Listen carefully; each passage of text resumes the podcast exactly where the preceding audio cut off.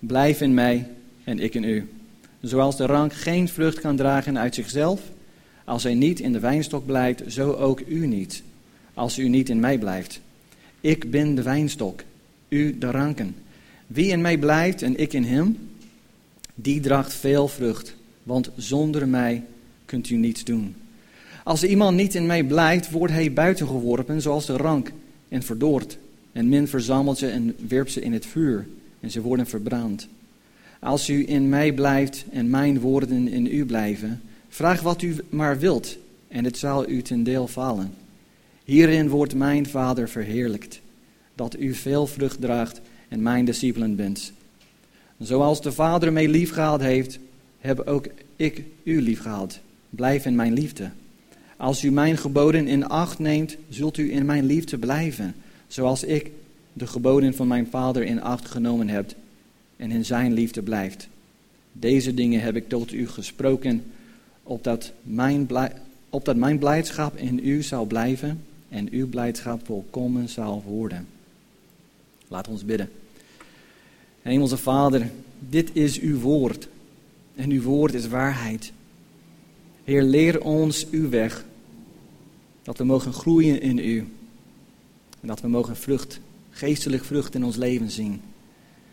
We geven deze tijd aan u. Heer, spreek tot ons hart.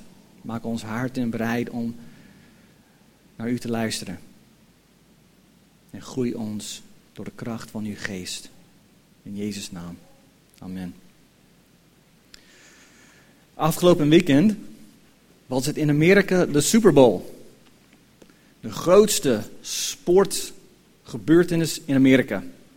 Nou, ik ben niet de hele nacht uh, gebleven om uh, daar naartoe te kijken. Ik ben zelf geen. Nou, ik vind sporten spelen wel leuk. Maar ik heb geen geduld om daar naartoe te kijken. Maar dit is een groot gebeurtenis. De Super Bowl. De Big Dance. En iedereen gaat daar naartoe kijken. En sommige mensen willen niet alleen kijken op televisie, maar ze willen eigenlijk daar zijn. En ik heb een artikel een artikel gelezen dat als je daar in, het was in Miami, als je daar in Miami willen zijn om het echt te kijken, de wedstrijd te kijken, de goedkoopste kaart was ongeveer 4000 euro. Goedkoopste. Ik heb geen idee wat het duurste was. Ik kan me niet voorstellen wat het duurste was. En ik denk, waarom zou mensen zoveel geld uitgeven om naar andere mensen te kijken als ze gaan sporten. Dat is niet voor mij. Maar dit is echt een kijksport. Net als de WK en, en alle andere sporten. Het is een kijksport. Mensen willen daar naartoe kijken. En het maakt me denken over uh, wat ik heb één keer gehoord van een predikant. En hij zei, er was een, uh, een familie in zijn gemeente. En ze kwamen naar hem toe en zeiden, ja, onze kinderen worden wat ouder. Onze dochter is nu een tiener. En ze wil eigenlijk niet meer naar de kerk. Ze, ze, ze wil eigenlijk heel weinig te hebben met geloof. Ze wil haar eigen ding. Wat moet ik doen om haar te helpen om, ja, om meer naar de kerk te komen of uh, meer in het geloof te stappen?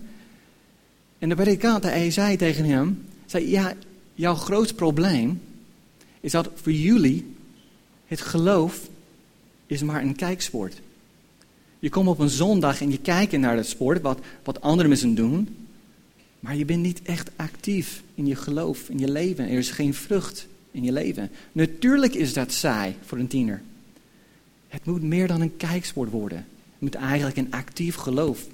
Je moet daarin groeien en vrucht daarin zien. Wat we willen vanochtend hierover hebben, is dat actief geloof. Wat is geestelijk vrucht? Hoe zien wij geestelijk vrucht in ons leven? Wat is het doel daarvan? En wat betekent Jezus hier met dat idee van een wijnstok. En wij zijn als zijn discipelen de ranken.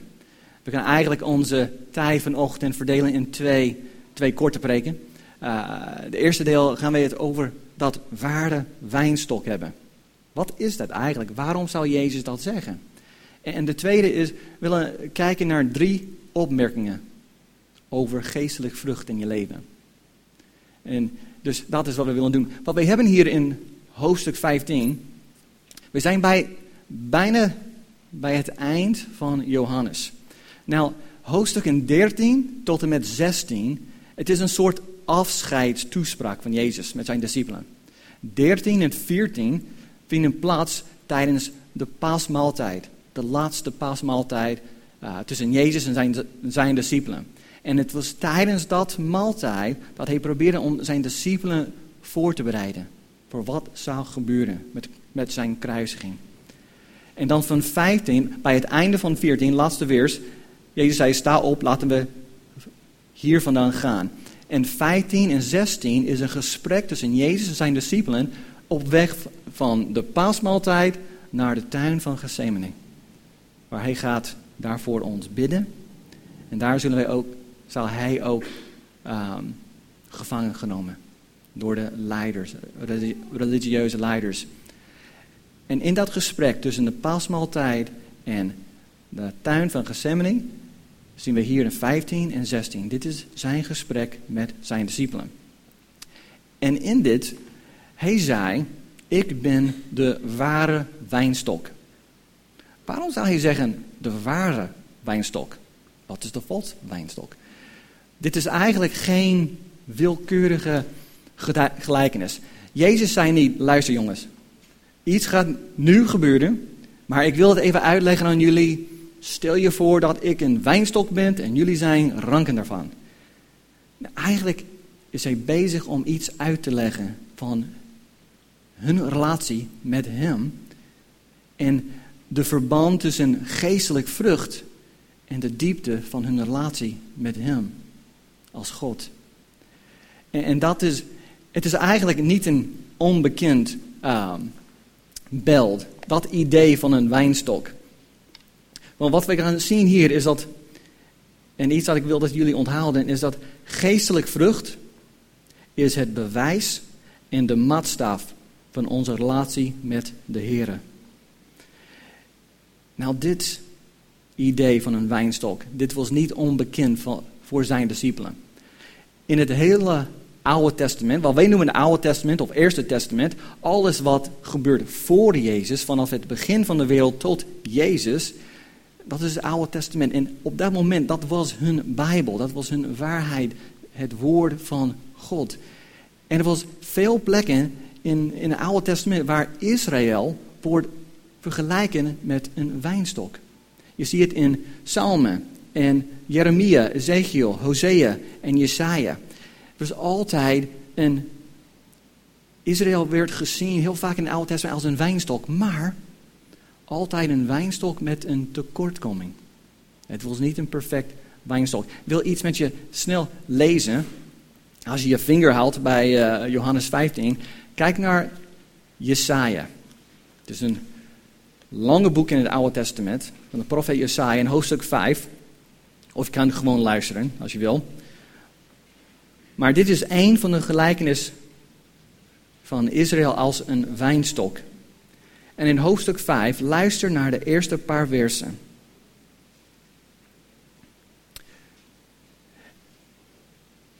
Mijn beminde had een wijngaard op een vruchtbare heuvel. Hij spitte hem om en zuiverde hem van stenen. Hij beplantte hem met edele wijnstokken.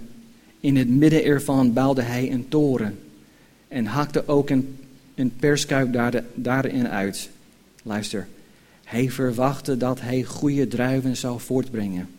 Maar hij bracht stinkende druiven voort. Dit was altijd de, de tekortkoming van Israël. Het was altijd bedoeld om vruchten voort te brengen. Maar het was stinkende vrucht door de zonde. Maar God had altijd een plan. Ik heb, ik heb een plan voor mijn wijnstok, Israël, mijn volk. En dat komt iets later in Jesaja 27. En luister in 27 naar een paar versen. Vers 2. Dit is zijn plan voor zijn wijnstok. Op die dag zal er een wijngaard zijn van bruisende wijn. Zing ervan in buurtzang. En dan in vers 6. In de dagen die komen zal Jacob wortel schieten. Israël zal bloeien en groeien. En zij zullen het wereldoppervlak met vruchten vervullen. Dat was het plan. Het zal groeien en bloeien en wij zullen vruchten zien. Maar altijd in het Oude Testament, Israël was een wijnstok met een tekortkoming. Dus wanneer Jezus zei, ik ben de ware wijnstok, zijn discipelen zagen veel meer betekenis daarin. Want hij was wat Israël, wat de mensen niet waren. Hij was de ware wijnstok, zonder tekortkoming. Hij was de ware Israël. Hij was de ware Adam. Je ziet, vanaf het begin, wij waren gemaakt om in relatie met God te zijn. En zo was het in het begin. Maar door onze zelfzuchtigheid, door onze trotsheid, hebben wij gekozen in ons eigen wil. De zonde. En dat is van ons, uh, dat is een, een scheiding is daarvan gekomen tussen ons en God. Maar God wilde niet de scheiding laten zitten. En hij was van plan om eerst een volk, een eigen volk te bouwen. Eerst door één man, Abraham. Hij had geen kinderen, maar hij maakte hem een vader van een natie. En hij groeit een volk door Abraham, door zijn nageslachten. En heeft hen uit Egypte geroepen. En hun gebouwd tot een natie. Met hun eigen land. En hij, hij gaf hun de wet. Om even te zien, dit is wat wordt verwacht van jullie. Maar keer na keer na keer is Israël tekort gekomen aan de wet. Maar Jezus kwam uit hun midden, uit het midden van zijn volk. Een baby wordt geboren. God vlees geworden. Hij is naar ons toegekomen om te worden wat wij niet konden zijn. Hij werd de ware Israël, de ware wijnstok. En hij leeft een perfecte leven zonder zonde. Maar hij is ook voor ons gekruisigd. Om voor ons zonde, onze ongehoorzaamheid te betalen.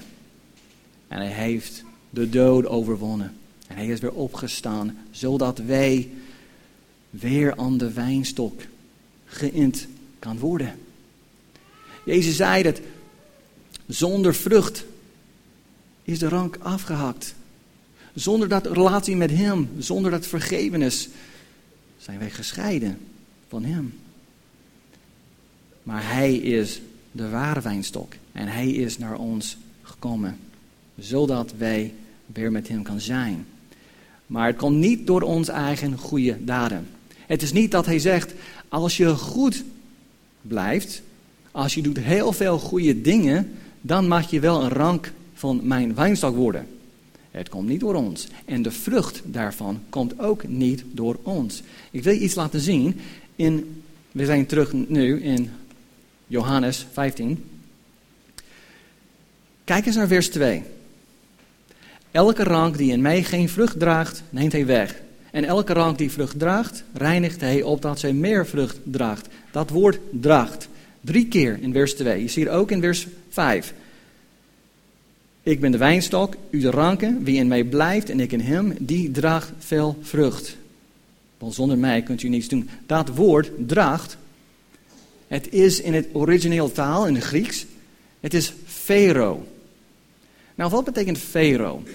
Wij zien een beetje een Nederlands woord draagt, maar eigenlijk fero, het is een heel oud woord, maar het heeft dezelfde wortel als het Nederlands woord varen of voeren. het is hetzelfde idee. Nou, een aantal jaren geleden, mijn vrouw en ik zijn naar Vlissingen geweest. En uh, we zijn er maar één keer geweest. En, maar ik vond het zo mooi om daar bij de poort te staan. En als je daar ooit geweest bent, weet je die uh, pilotenboten? zijn ongelooflijk. En ze gaan altijd naar die grote zeecontainerschippen. Om, omdat ja, de schippen zijn zo, ons, ja, zo groot. Het is moeilijk om in de poort te komen. Dus de piloten gaan altijd daar naartoe en ze helpen die, die grote schippen daar binnen te komen. En ik vond die grote zeecontainerschippen fascinerend. Want ze zijn ongelooflijk groot. En hebben zoveel van die containers daar opgestapeld. Nou, het zou belachelijk zijn als ik zou zeggen: Kijk eens wat dat boot heeft gemaakt. Toen dit China verliet, was het helemaal leeg. Maar over dit paar weken is het nu helemaal vol met spoelen. Natuurlijk niet. Als je kijkt naar in Amsterdam, je hebt die, uh, die boten die van Amsterdam Noord naar Amsterdam Centrum gaat. En die gaan niet daar staan en denken, kijk eens naar al die mensen dat die boten hebben gemaakt. Nee, ze maken het niet zelf. Maar ze varen het, ze voeren het van één plek naar de andere plek. Vero, draag, dat is wat het betekent. Voor de rank, als je denkt van een, rank en een wijnstok. De rank maakt de vrucht niet. Maar het vero, de water, de suiker, het komt daardoor. En de vrucht groeit daarvan. Hetzelfde met geestelijk vrucht in ons. Het komt niet door onze goede daden, het komt niet door onze slimme ideeën. Het is door Jezus, door onze Heer. Hij doet dit door ons. Vero ons. Wij draagt vrucht. Maar dat vrucht, dat geestelijk vrucht, het is het bewijs en de maatstaf van onze relatie met de Heer. Is er vrucht in ons leven? Hij is de ware wijnstok. Zonder Hem zullen wij nooit geestelijk vrucht zien. Maar in Hem zullen wij veel vrucht zien. Dat is zijn rol als de ware wijnstok. Dus wat is het? Wat is geestelijk vrucht? Wat is het dan? En ik wil met jullie drie opmerkingen um, hierover hebben. Eerste is de doel of de wat van geestelijk vrucht.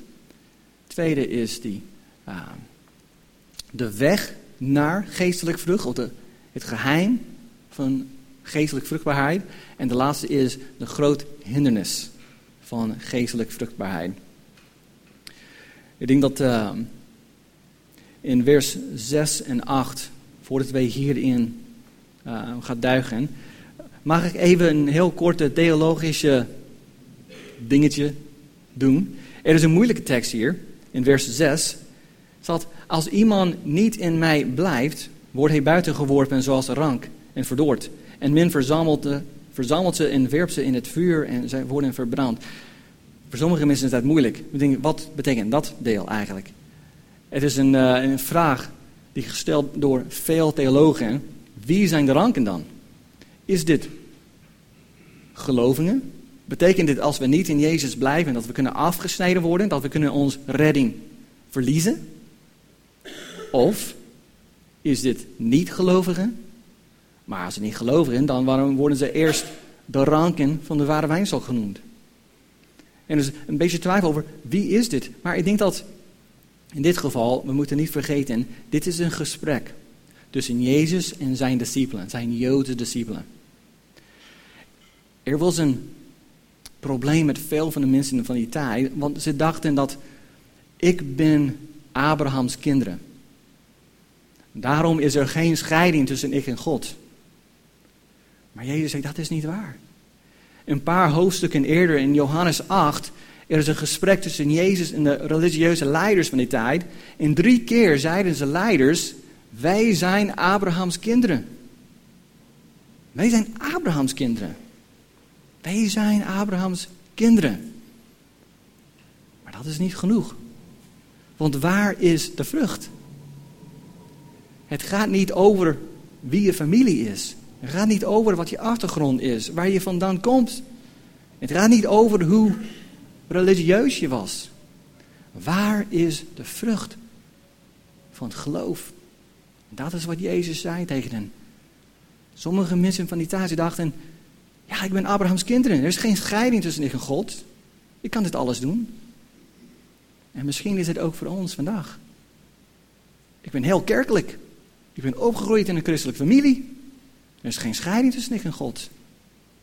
Maar we zijn allemaal gescheiden van God door onze zonde. En we hebben allemaal Jezus nodig. En we moeten niet denken dat, ja, mijn familie is dit of mijn familie is dat, mijn kerk is dit of dat. Waar is de vrucht van een geloof? Want een geestelijk vrucht, dat is het bewijs en de maatstaf van onze relatie met de Heer. Dus we gaan kijken naar de geestelijk vrucht. Wat is het? Wat is het doel van geestelijk vrucht? Hier, ik geloof dat Jezus heeft het over twee soorten vruchten. Wat ik zou noemen innerlijk en uiterlijk vruchten. De innerlijk vruchten is wat de geest doet in ons. In ons hart.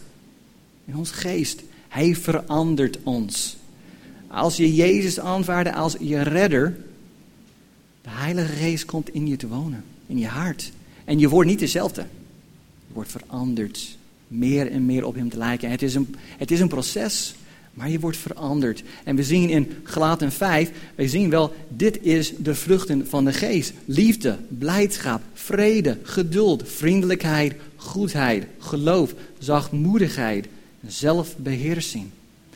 Als iemand gelooft in Jezus, de innerlijke vrucht is dat deze dingen moet je kunnen zien in hun leven.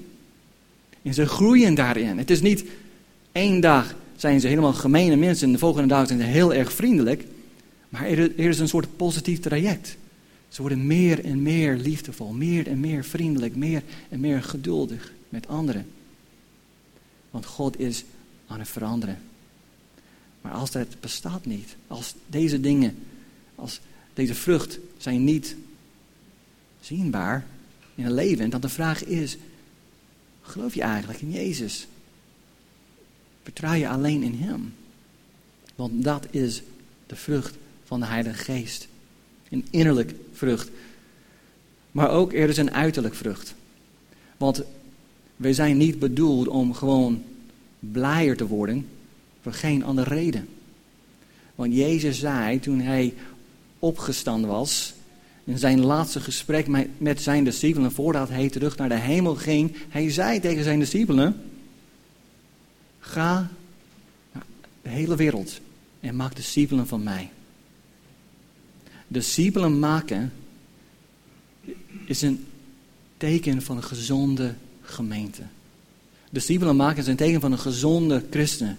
Dat wij zijn anderen leiden tot de Heer. Dat we aan anderen helpen groeien om meer en meer op Jezus te lijken en Hem te volgen.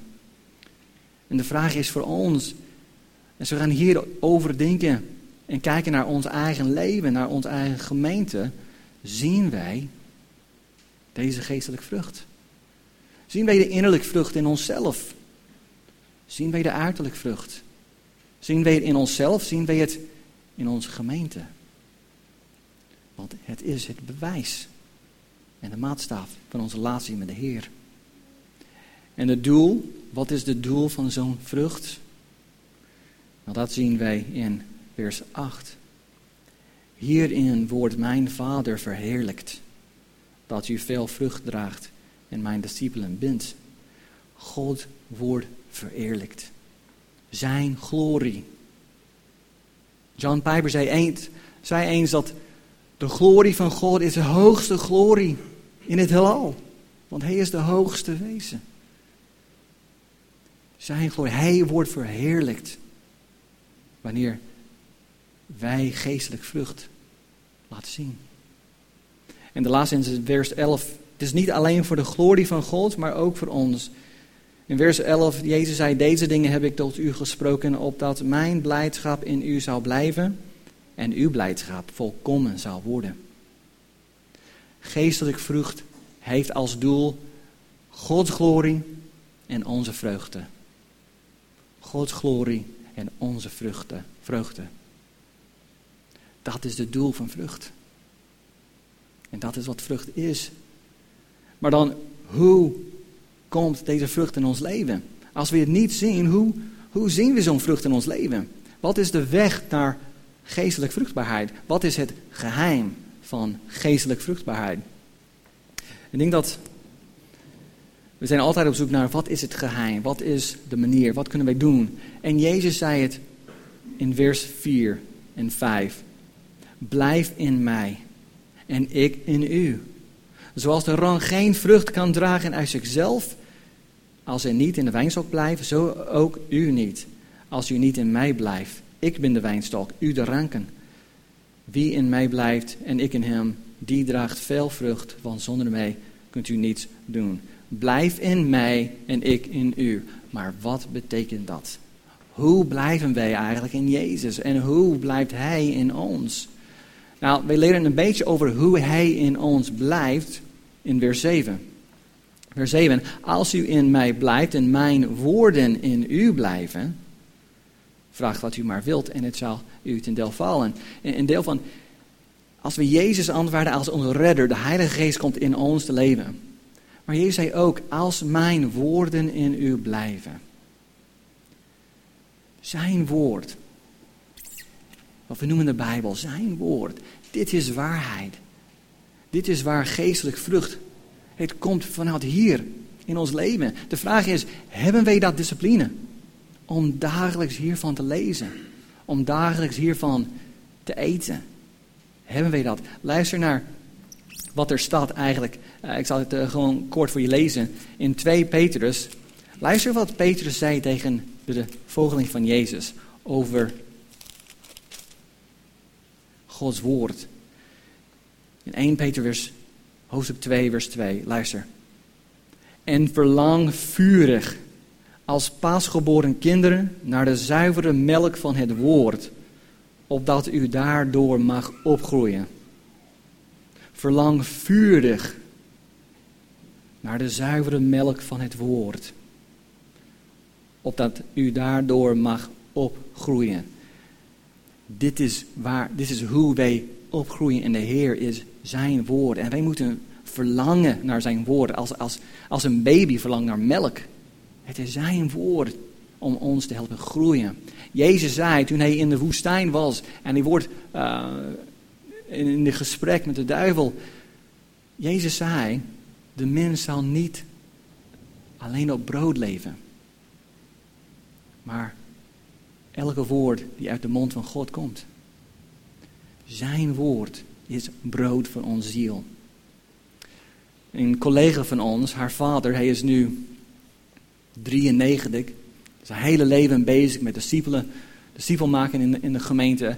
En wat hij zei altijd, als hij in gesprek met iemand was en hij, en hij was aan het praten over, lees je je Bijbel elke dag? Hoe gaat het met je, met je Bijbel lezen? Lees je Gods woord? Is het in je hart? Is het, lees je het dagelijks? En veel mensen zeggen, ja, nou, ik lees het wel af en toe, ik probeer mijn best, maar ik kan niet elke dag lezen. Dat is moeilijk.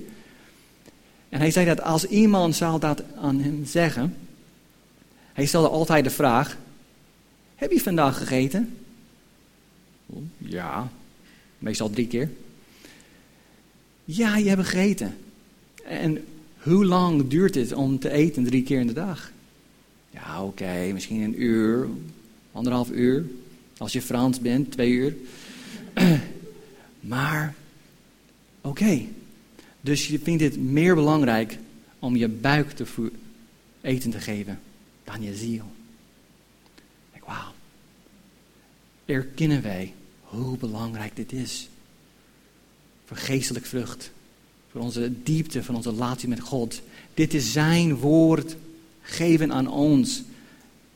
Wij mogen naar hem luisteren elke dag. Wat zit er in zijn woord? Dat is hoe hij blijft in ons. Zijn woord, dagelijks. Dan hoe blijven wij in hem? Dat zien wij in vers 10. Als u mijn geboden in acht neemt, zult u mijn liefde, in mijn liefde blijven zoals ik de geboden van mijn vader in acht genomen heb en in zijn liefde blijft. In zijn liefde blijven, in hem blijven, het is hetzelfde. Met hij, als u mijn geboden in acht nemen. Dat is gehoorzaamheid. Het is een beetje als een huwelijk. Nou, dit jaar in mei zullen mijn vrouw en ik 16 jaar getrouwd vieren. En ik heb een aantal dingen geleerd als haar man over de huwelijk. En wat ik heb geleerd is dat een gezonde huwelijk, een, een huwelijk met vlucht, heeft twee dingen nodig. Gehoorzaamheid en gemeenschap. Nou, gehoorzaamheid, niet dat zij moeten mij gehoorzamen of dat ik moet haar gehoorzamen. Maar op de dag dat wij zijn getrouwd, we hebben een geloofde met elkaar gemaakt. Dit zal ik doen voor jou. En dit zal zij doen voor mij. Om een trouwe huwelijk te hebben, moeten wij trouw blijven. We moeten eigenlijk die huwelijksgeloofden gehoorzamen.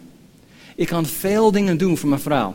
Ik kan haar bloemen kopen. Ik kan haar naar dure restauranten nemen. Op, op een luxe vakantie nemen. Maar als ik ontrouw ben, wat betekenen die dingen? Helemaal niks. Ik moet trouw blijven.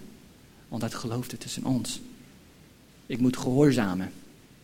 Gehoorzamen wat wij hebben aan elkaar beloofd op die dag. Maar ook gemeenschap. Ik moet tijd aan haar besteden. Praten met haar, luisteren naar haar. Ik moet haar af en toe naar die restaurant brengen om iets leuk te doen. We moeten tijd met elkaar hebben. Het maakt eigenlijk niet uit als ik helemaal mijn hele leven trouw aan haar zal blijven, nooit met iemand anders, maar ik praat nooit met haar. Ik besteed geen tijd aan haar. We gaan nooit uit samen. We gaan misschien heel af en toe een gesprek hebben. Dat is geen huwelijk. Het is gehoorzaamheid en gemeenschap. En dat moeten wij ook met Jezus doen. Dat gehoorzaamheid, dat zijn geboden in acht nemen. Dagelijks. Eerst moeten wij dagelijks zijn woord lezen om te weten wat wij moeten doen. Maar dan wij gehoorzamen wat we lezen. Als er staat in de Bijbel, dat moeten we doen. We moeten trouw blijven. Nou, we zijn niet perfect. Daarom is hij voor ons gekomen. En voor ons te sterven. Maar wij moeten strijven om trouw aan hem te blijven. Om zijn geboden in acht te nemen. Maar we moeten ook gemeenschap bouwen met hem. Hoe doe je dat? De dagelijks tijd in zijn woord, dagelijks tijd in gebed. Hoe vaak komen wij in de stille kamer om gewoon met Hem te zijn? Om te praten met Hem. Om onze twijfels te laten horen. Onze angsten te laten horen. Onze prijs te laten horen. En luisteren in ons hart. Wat zegt Hij terug naar ons? Dat is een gemeenschap bouwen met de Heer. En als wij dat doen, als we dagelijks Zijn woord lezen, strijven naar gehoorzaamheid. Om zijn geboden in acht te nemen. En, en dagelijks gemeenschap met onze Heer bouwen in gebed. Dan, dan blijven wij in Hem en Hij in ons. En dan zullen wij vruchten zien. Want dat is Zijn belofte. En we hebben net gelezen met het woord Vero. Het komt niet omdat wij zullen veel dingen doen. Maar Hij zal het door ons in ons en door ons vruchten voortbrengen. Dat is het geheim, het weg naar vruchtbaarheid. Maar misschien denken wij: oké, ik ben een volgeling van Jezus. Ik wil heel graag vrucht in mijn leven zien, zeker, maar ik zie het niet. Ik zie mezelf niet groeien in deze dingen. Ik zie de uiterlijke vruchten niet. Waarom niet? Er is een hindernis. Er is iets dat verhindert onze geestelijke vruchtbaarheid. En het is dezelfde oorzaak van wat we hebben net gelezen in Jesaja over de stinkende druiven. Het is onze zonde. Als we Jezus kennen, wij zijn vergeven van onze zonde. We zijn een nieuwe schepping in Hem. Maar, maar je weet dat dat is niet één dag perfect. Het is een proces. Je bent nog steeds aan het groeien. En we zijn nog steeds worstelen met zonde in ons leven. En zonde kan ons vruchtbaarheid verhindert als het onbeleden blijft. Denk over je leven als een huis. Je hebt een mooi huis. En in elke kamer, je heeft bepaalde dingen van die kamer. Dus verschillende delen van je leven. En je vraagt Jezus om in je, je huis te komen wonen. In je leven te komen wonen. Maar je hoopt dat hij niet naar dat kamer zal gaan. Dat kamer blijft, blijft op slot.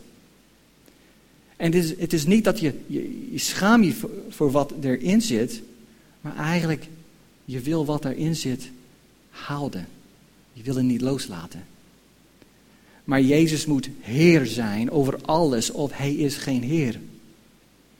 Soms denken wij dat wij kunnen een zonde, een verleiding in ons leven, dat we kunnen het temmen. We hebben het onder controle. Het is net als een wilde dier in onze achtertuin. Ik heb een Leo in de achtertuin, maar maak, maak je geen zorgen erover. Ik kan, kan hem temmen. Nee, het is een illusie. We kunnen niet denken dat wij kunnen zonde beheersen. Dat we kunnen het even in de kamer wegdoen. En af en toe daarin kijken. Staat in de Bijbel dat wij moeten verleidingen ontvluchten. En ik denk dat als we erkennen dat er is geen vrucht in ons leven, of er is minder vrucht in ons leven, de eerste stap is binnen te kijken. Is er een zonde in mijn leven? Dat ik, ik spel een beetje daarmee. Ik ontvloekte niet, maar ik wil het even houden in de andere kamer. Is er een onbeleden zonde in ons? Omdat dat zonde, als er een zonde is dat we laten zitten in ons leven, dan dat verhindert de vruchtbaarheid. En dus, als er geen vrucht is, dan moeten we de vraag stellen: is er iets in mij dat verhindert wat God wil in mij en door mij doen? Maakt me denken over uh, de serie boeken, de Chronieken van Narnia, van C.S. Lewis. Een uh, heel mooie serie van boeken. En ik denk dat het de vierde boek is en het heet De Reis van het Drakenschip. En het is uh, eigenlijk een van onze lievelings uh, van, van de boeken van de Chronieken van Narnia. Maar het gaat over een drakenschip. En de, koning van Narnia is daar. En ze zijn op weg naar een aantal eilanden. En als je bent bekend met het verhaal, een aantal kinderen vanuit onze wereld gaan naar Narnia in het midden van dit reis van het schip. En twee van de kinderen zijn eigenlijk, uh, een van de eerste vier kinderen komen terug. Maar ze brengen met hem mee uh, hun neef, Ustas. Nou, Ustas is geen leuke jongen. Hij is gemeen, hij is lelijk. Niet uiterlijk lelijk, maar binnen. Hij is lelijk. Hij is niet aardig tegen zijn nichtje en neefje. En hij komt naar Narnia en hij vindt het helemaal niet leuk om in Narnia te zijn. Hij is boos op iedereen. Hij maakt heel snel uh, vijanden van iedereen. En op een bepaald moment in het verhaal, ze komen naar een eiland. En hij is boos met iedereen. En hij wil niet met de, met de andere mensen zijn. En hij gaat in zijn eentje even wandelen op het eiland. En hij komt naar een grot. En in die grot vindt hij een dode draak. En naast de dode draak een grote schat. Goud, juwelen, alles. En hij denkt, wow, mooi, zo groot schat. Ik ben nu rijk. En ik ga het niet delen. Ik ga die andere mensen niet vertellen over wat ik heb gevonden. Dit is mijn schat. En hij neemt een armbandje, een gouden armbandje, en hij doet het op zijn arm. En later hij valt in slaap. En hij wordt een aantal, uh, iets later wakker. En hij, hij realiseert dat hij is nu een draak. Hij is veranderd in een draak. En hij, hij ziet dat de armband is nu te strak op zijn arm en hij probeert om het af te brengen, want hij dacht, oké, dit schaat heeft een soort een vloek erop. Maar hij kan het niet doen. En uiteindelijk, uit paniek, hij gaat terug naar de boot, naar de andere mensen. En iedereen is bang voor hem. En ze wil met hem vechten. En uiteindelijk, hij kan het, uh, de boodschap even geven dat, wat hij kan niet praten. Maar uiteindelijk beginnen ze om te zien dat dit is Justus. Hij is nu in een drak veranderd. En het verhaal gaat voor en Justus, hij is nu eenzaam. Hij is niet meer blij. Hij wil niet een draak blijven.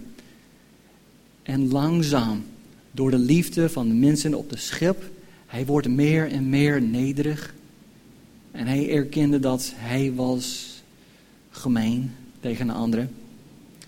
En er komt een, een bepaalde moment dat hij erkent eigenlijk wie hij is eigenlijk. En dat hij een redder heeft. Dat hij een redder nodig heeft. En hij is op een andere eiland. En dan komt bij een groot bad. En daar ontmoet hij Aslan. Leo. En Aslan zei dat hij moet daarin schoon worden. En natuurlijk, de vader doet niks. En Aslan zei, ja, maar je moet je de, de hout van de draak afscheuren. En in het begin is het heel erg pijnlijk. En in het begin is het alleen een, een aantal kraasjes. Zei, nee, je moet het afscheuren. En dan doet het dieper, veel pijn. En langzaam wordt hij helemaal schoon. Weer een jongen. Of hij denkt. Maar hij kijkt naar beneden en hij is nog steeds een draak. En dan maakt hij, hoeveel, hoeveel hout hij daar afscheurt, hij blijft een draak. En hij wordt teleurgesteld. En Aslan zei tegen hem dat hij kan het niet zelf doen. Hij moet hem laten het doen. En uiteindelijk moet hij zichzelf overgeven aan Aslan. En Aslan neemt zijn grote klauwen. En hij zei, bij de eerste, eerste aanraking was het meer pijn dan hij ooit had gevoeld. En de klauwen gingen heel diep. Dieper dan alle niveaus van de hout. En uiteindelijk alles is afgenomen. En hij mag in het water baden. En hij komt weer uit schoon. Weer een jongen. En afhankelijk van Aslan. Het proces om gereinigd te worden. Wat er staat daar in vers 2. Elke rank die vrucht draagt, reinigt hij, opdat zij meer vrucht draagt. Dat woord reinigt, het is in dit geval snoeien. Je moet die, de dingen die niet nodig zijn, de ongezonde delen, ongezonde ranken, afsnijden, afhakken. Het is pijnlijk, maar het is zo de moeite waarde. Want daardoor ervaren wij Gods en zijn geestelijk vrucht in ons leven. En daardoor zullen wij echt vruchtbaar worden. En onze doel bereiken om God te verheerlijken en ons blijheid volmaakt te worden.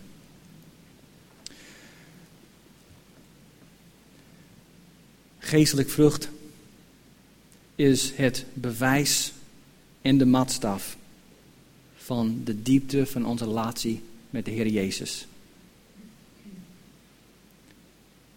En hoe wij kunnen meer vruchtbaar worden, is in Hem te blijven en dat Hij in ons blijft. En dat Hij, Zijn woord, blijft in ons en dat wij in Hem zullen blijven door gehoorzaamheid en gemeenschap.